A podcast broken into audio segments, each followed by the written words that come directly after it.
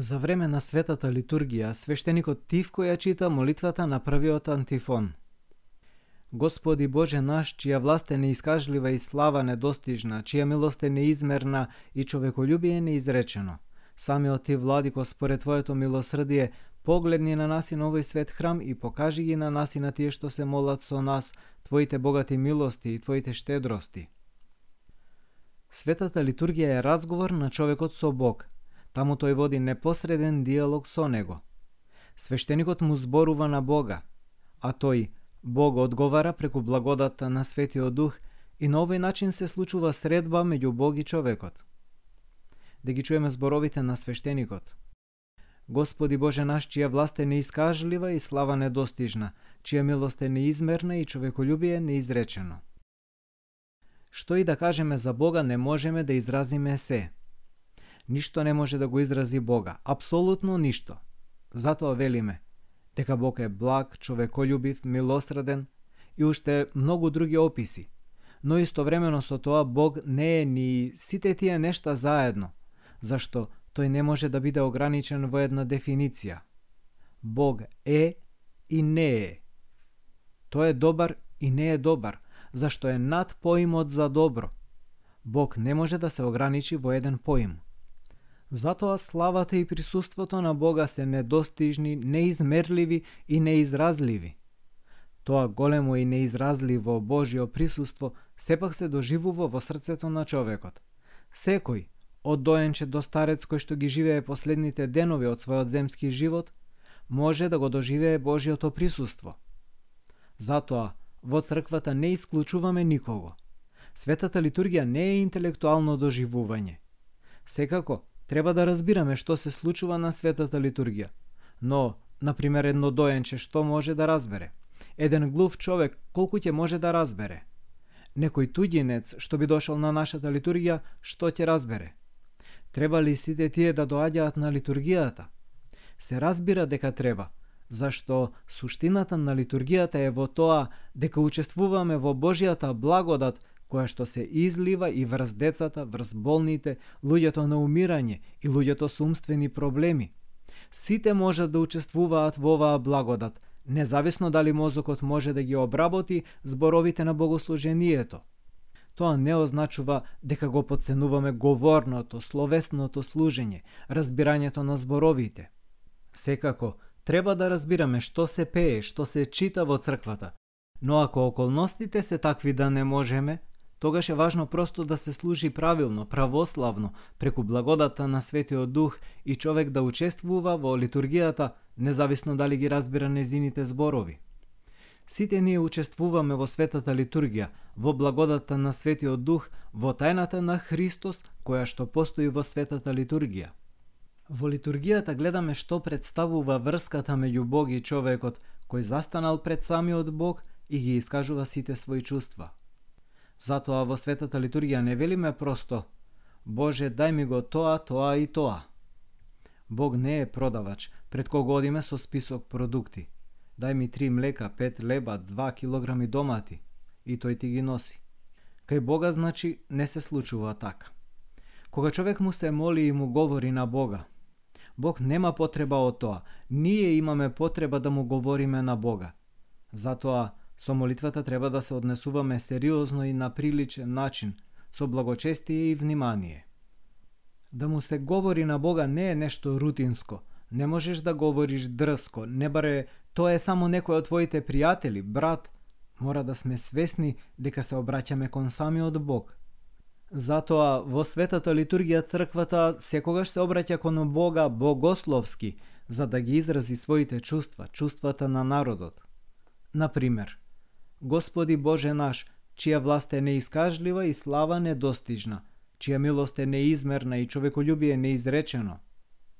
Може ли црквата да го пропушти сето тоа и да каже Господи, направи ни го тоа, тоа и тоа? Но не се говори така на Бога.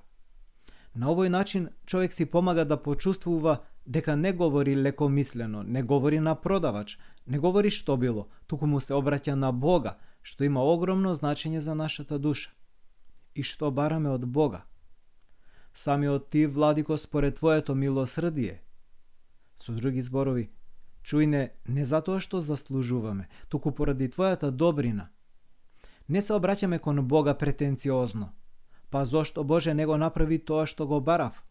И започнуваат прашањата. Зошто ми се случи токму на мене и така натаму? Тоа крие некаква наглост. На друг, кога нешто лошо му се случило, тогаш прво ќе се израдуваме Не дека ни е мило што нему му се случува тоа, туку што ние не сме на негово место. Тогаш не сме филозофски расположени и не прашуваме зошто. Кога секој ден околу нас се разболуваат луѓе, не прашуваме зошто тие се разболуваат, но кога неволјата ќе дојде на наша глава, тогаш се вознемируваме. Што значи да се праша зошто токму јас се разболев? Зарем не затоа што сите луѓе имаат проблеми, Сите луѓе се разболуваат, сите луѓе умираат. Па и ние, зарем не сме со сите? Сега се жалиме од кризата. Немаме смирено мудрие да речеме, ете толку многу луѓе страдаат, па и ние нека страдаме малку со нив, и ние да вкусиме од нивната мака. И да го прифатиме тоа како можност. Прво, можност духовно да се развиваме, и второ, да ги култивираме христијанските добродетели, трапение, великодушност. Според Твоето милосрдие. Не заради нашата претензија, не според право, не бидејќи си не створили сме Твои созданија, па затоа ќе претендираме. Не може така. Туку, според Твоето милосрдие, бидејќи си милосреден, човеколюбив, наш Отец, те молиме, иако не заслужуваме, погледни на нас и на овој свет храм. Храмот, местото каде што сите се собираме, е свет дом каде што сите се сретнуваме и ја сочинуваме Христовата црква. Не секој во својот дом, не секој во својата соба, не сами да читаме книги и молитви, туку собрани во името на Христос во светиот дом. Молитвата продолжува.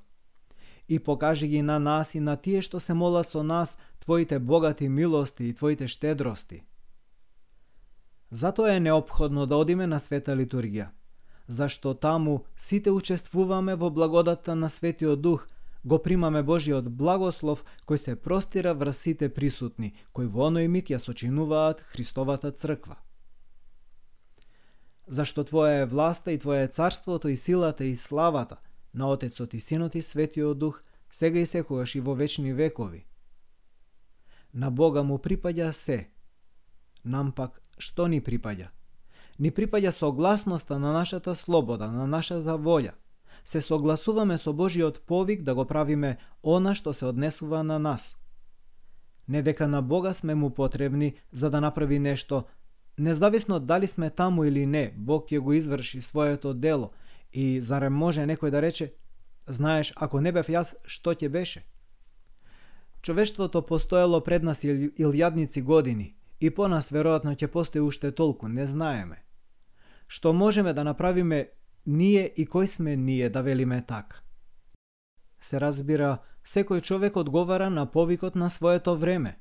Например, Светиот наси Велики, во неговото време имало ереси, вистината на православието била во опасност од искривување и тој одговорил на конкретната потреба. Ја исповедал, ја изразил вистината. Бил гонет, прогонуван, но издржал, ја запазил верата и ни ја предал изворната христијанска вера. Секоја епоха има свои специфични потреби, како што и во нашиот личен живот има моменти во кои човек треба да ја исповеда својата вера онака како што е според православните догмати и да остане верен Христов човек. Бог нема потреба од ништо од она што го правиме. Ние имаме потреба од тие нешта. Има еден пример во Стариот Завет, каде што Бог испратил еден човек да и каже на царицата Естира, која што била еврејка и сопруга на царот, кој што бил незнабожец, да не се осмели да им стори зло на евреите. Таа се двоумела како да го каже тоа, не било лесно да му каже нешто на својот сопруг цар.